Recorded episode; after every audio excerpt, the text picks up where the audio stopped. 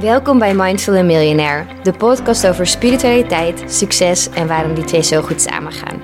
Als ambitieuze entrepreneur of professional ben je continu bezig met groei en ontwikkeling, van zowel je bedrijf en carrière als van jou als persoon. In deze podcast ga ik, Steffi Roos op zoek naar de beste spirituele tools om jezelf op businessgebied te ontwikkelen. Van mediteren tot manifesteren en van ayahuasca tot zen-boeddhisme. Ga in gesprek met verschillende experts en deel mijn eigen ervaringen om jou te inspireren.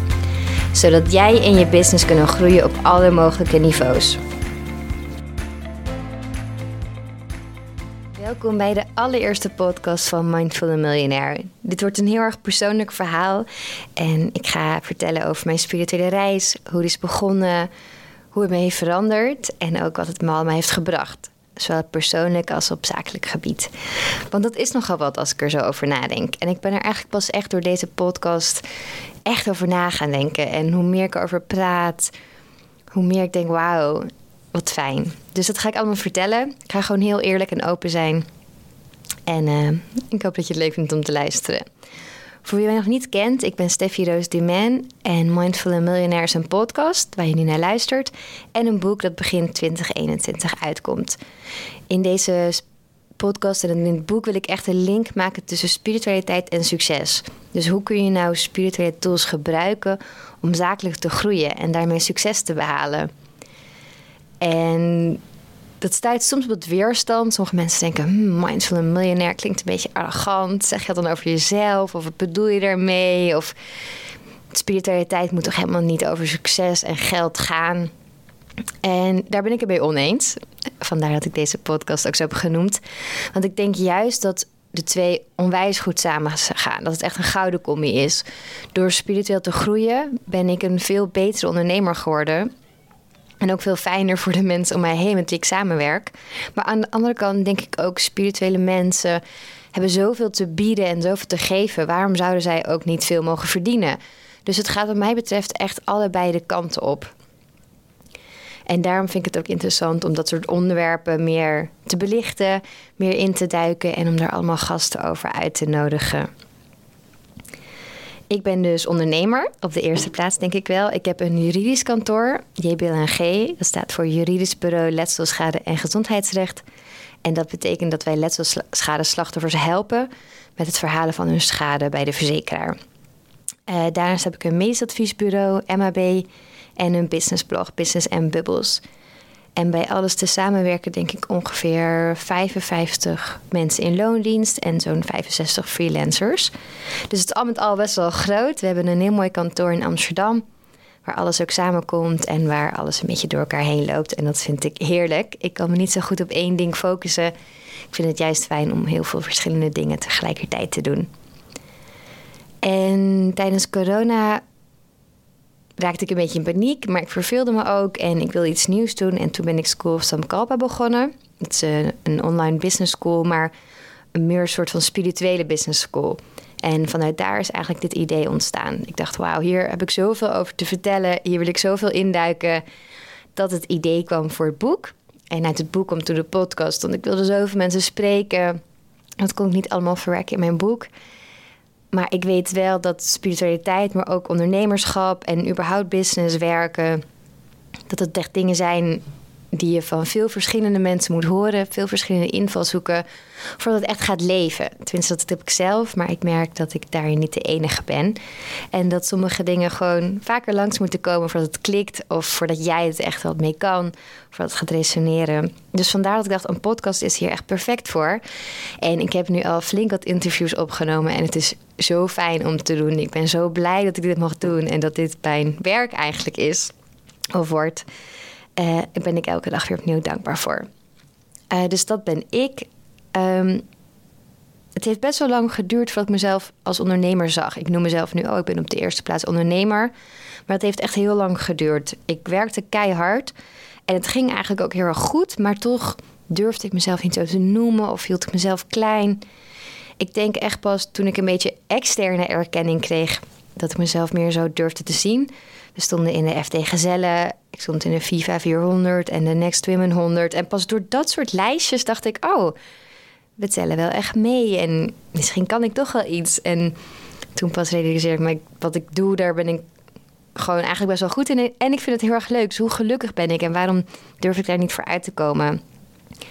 En het leuke aan ondernemen is, juist vind ik dat je zo erg groeit. En ben dus ook als persoon heel erg gegroeid, maar ook als ondernemer. En dat vind ik het allermooiste. Er zijn steeds weer nieuwe uitdagingen, nieuwe dingen om te leren. En je bent continu bezig met persoonlijke ontwikkeling. En dat is het leuke aan ondernemen, maar dat is natuurlijk ook het leukste aan een spirituele reis. En vandaar dat ik vind dat die twee reizen ook zo goed samen gaan. Want je bent echt jezelf aan het ontdekken. Je moet uit je comfortzone, je moet nieuwe dingen gaan doen. Soms dingen die je wat minder leuk vindt op het eerste gezicht. Maar het gaat je zoveel brengen. En vandaar dus ook de spirituele en de businessreis ook graag met elkaar combineer. Voor zo mezelf als de mensen die ik hoop te inspireren.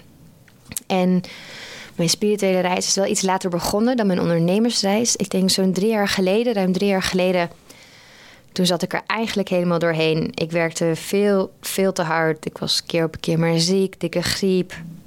Maar ik was ook altijd moe, best wel kattig. Ik reageerde niet op iemand even leuk. Ik was eigenlijk gewoon opgebrand. En een vakantie, dat helpt je dan wel eens. Of een dagje vrij. Maar uiteindelijk moeten er gewoon echt dingen veranderen. Om ja, daar gewoon beter uit te komen. Ik nam gewoon totaal geen tijd voor mezelf. Ik wilde zo hard bouwen en aan mijn business werken dat ik koken vond ik al zonde van de tijd. Want dan kon ik toch ook werken. En nou ja, sporten al helemaal. Want daar werd ik ook nog eens moe van, dacht ik. Dat ik vroeger heel veel sporten. Maar ik vond het allemaal nee, ik moest werken.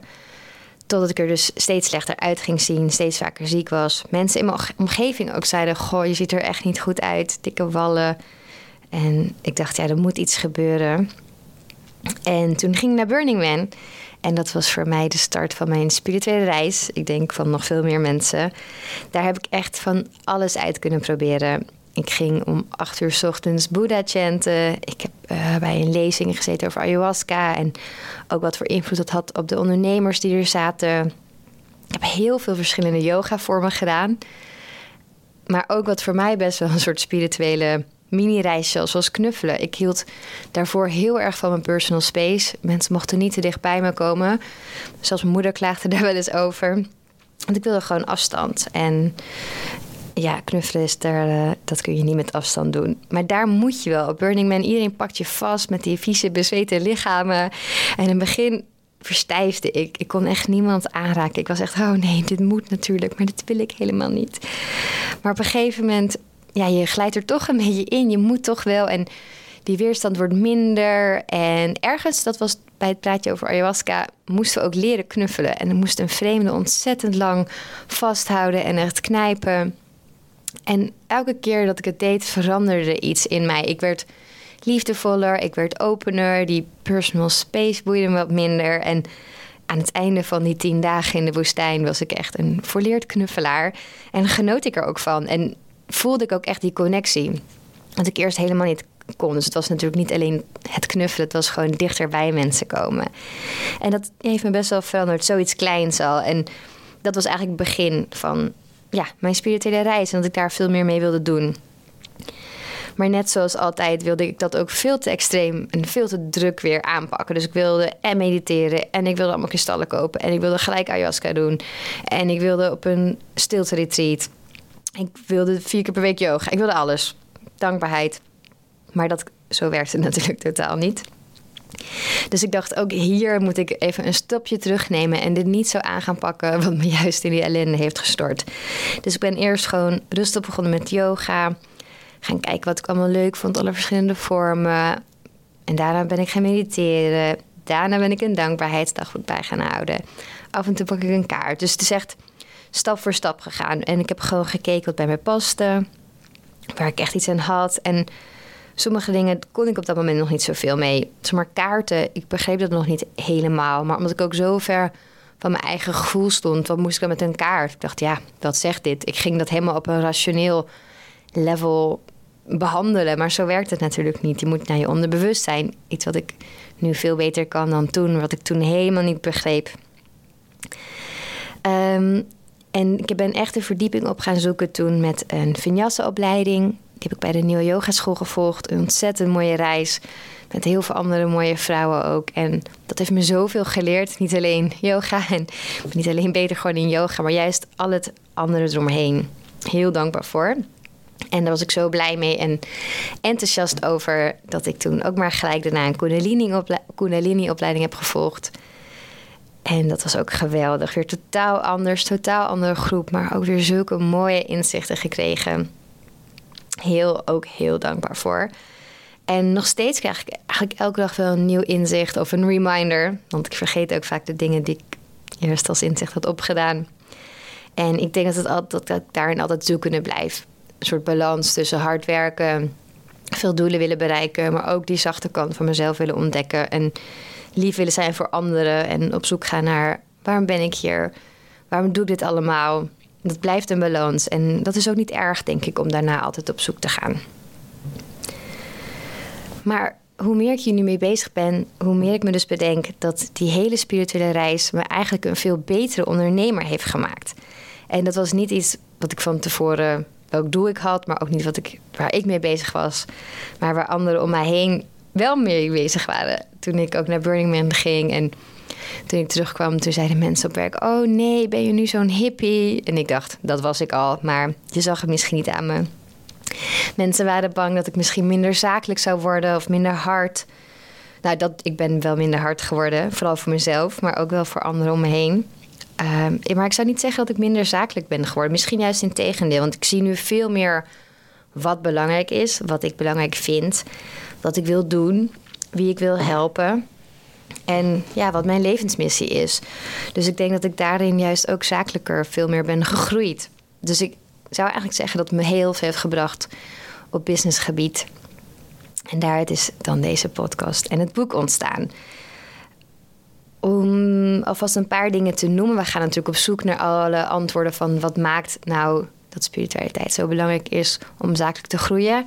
Maar voor mij denk ik dat ik veel meer in flow leef en onderneem en business doe. Alles gaat veel meer vanzelf. Ik reageer vanuit vertrouwen in het universum en in de andere mensen om me heen en in mijzelf, in plaats van dat ik reageer vanuit angst. Dus ik reageer ook vanuit abundance in plaats van uit schaarste. En dat maakt het gewoon veel fijner. Dat zorgt dat alles stroomt, dat alles haast vanzelf gaat. En dat als het even niet vanzelf gaat, wat ook natuurlijk vaak genoeg gebeurt, dat ik dan weer weet dat het wel goed komt. En daardoor iets minder in de stress raak. Meer onthechting, denk ik. Daardoor ben ik ook veel rustiger geworden. Op een gegeven moment zei iemand: Jeetje, wat blijf je nou rustig? Is dit de yoga of zo? er was iets met. Iemand had de lichten aan laten staan. Er was een autostuk. En ik dacht, ja, het gebeurt, we lossen het op en klaar had mij ook kunnen gebeuren. Maar blijkbaar was het voor mij zo'n relaxte reactie dat iemand dacht: Hé, wie is dit? Is dit de yoga Steffi? Maar dat was denk ik gewoon een Steffi die meer mediteert, meer onthecht is en meer weet wat belangrijk is in het leven en niet meer zo snel gaat stampvoeten. Ik ben dus niet alleen maar bezig met het eindresultaat, maar ook met de reis daar naartoe. En dat is wat mij een betere ondernemer maakt. Ik geniet veel meer van alles wat ik nu doe en ik heb wel een eindresultaat in mijn hoofd. Ik heb een doel. Ik schrijf ook doelen op met de nieuwe maan. Mijn intenties. Maar ik geniet van de weg naartoe. En ik weet, ja, het gaat bijna nooit zoals je plant. Maar ik weet dat ik er wel kom. En daar heb ik vertrouwen in.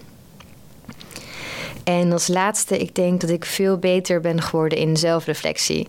Wat heel fijn is, want daardoor kan ik veel meer groeien. En soms ook wel lastig is. Want ik zie nu ook weer wat ik verkeerd doe, wat ik niet zo fijn vind aan mezelf. Ik kan soms best nog wel hard zijn.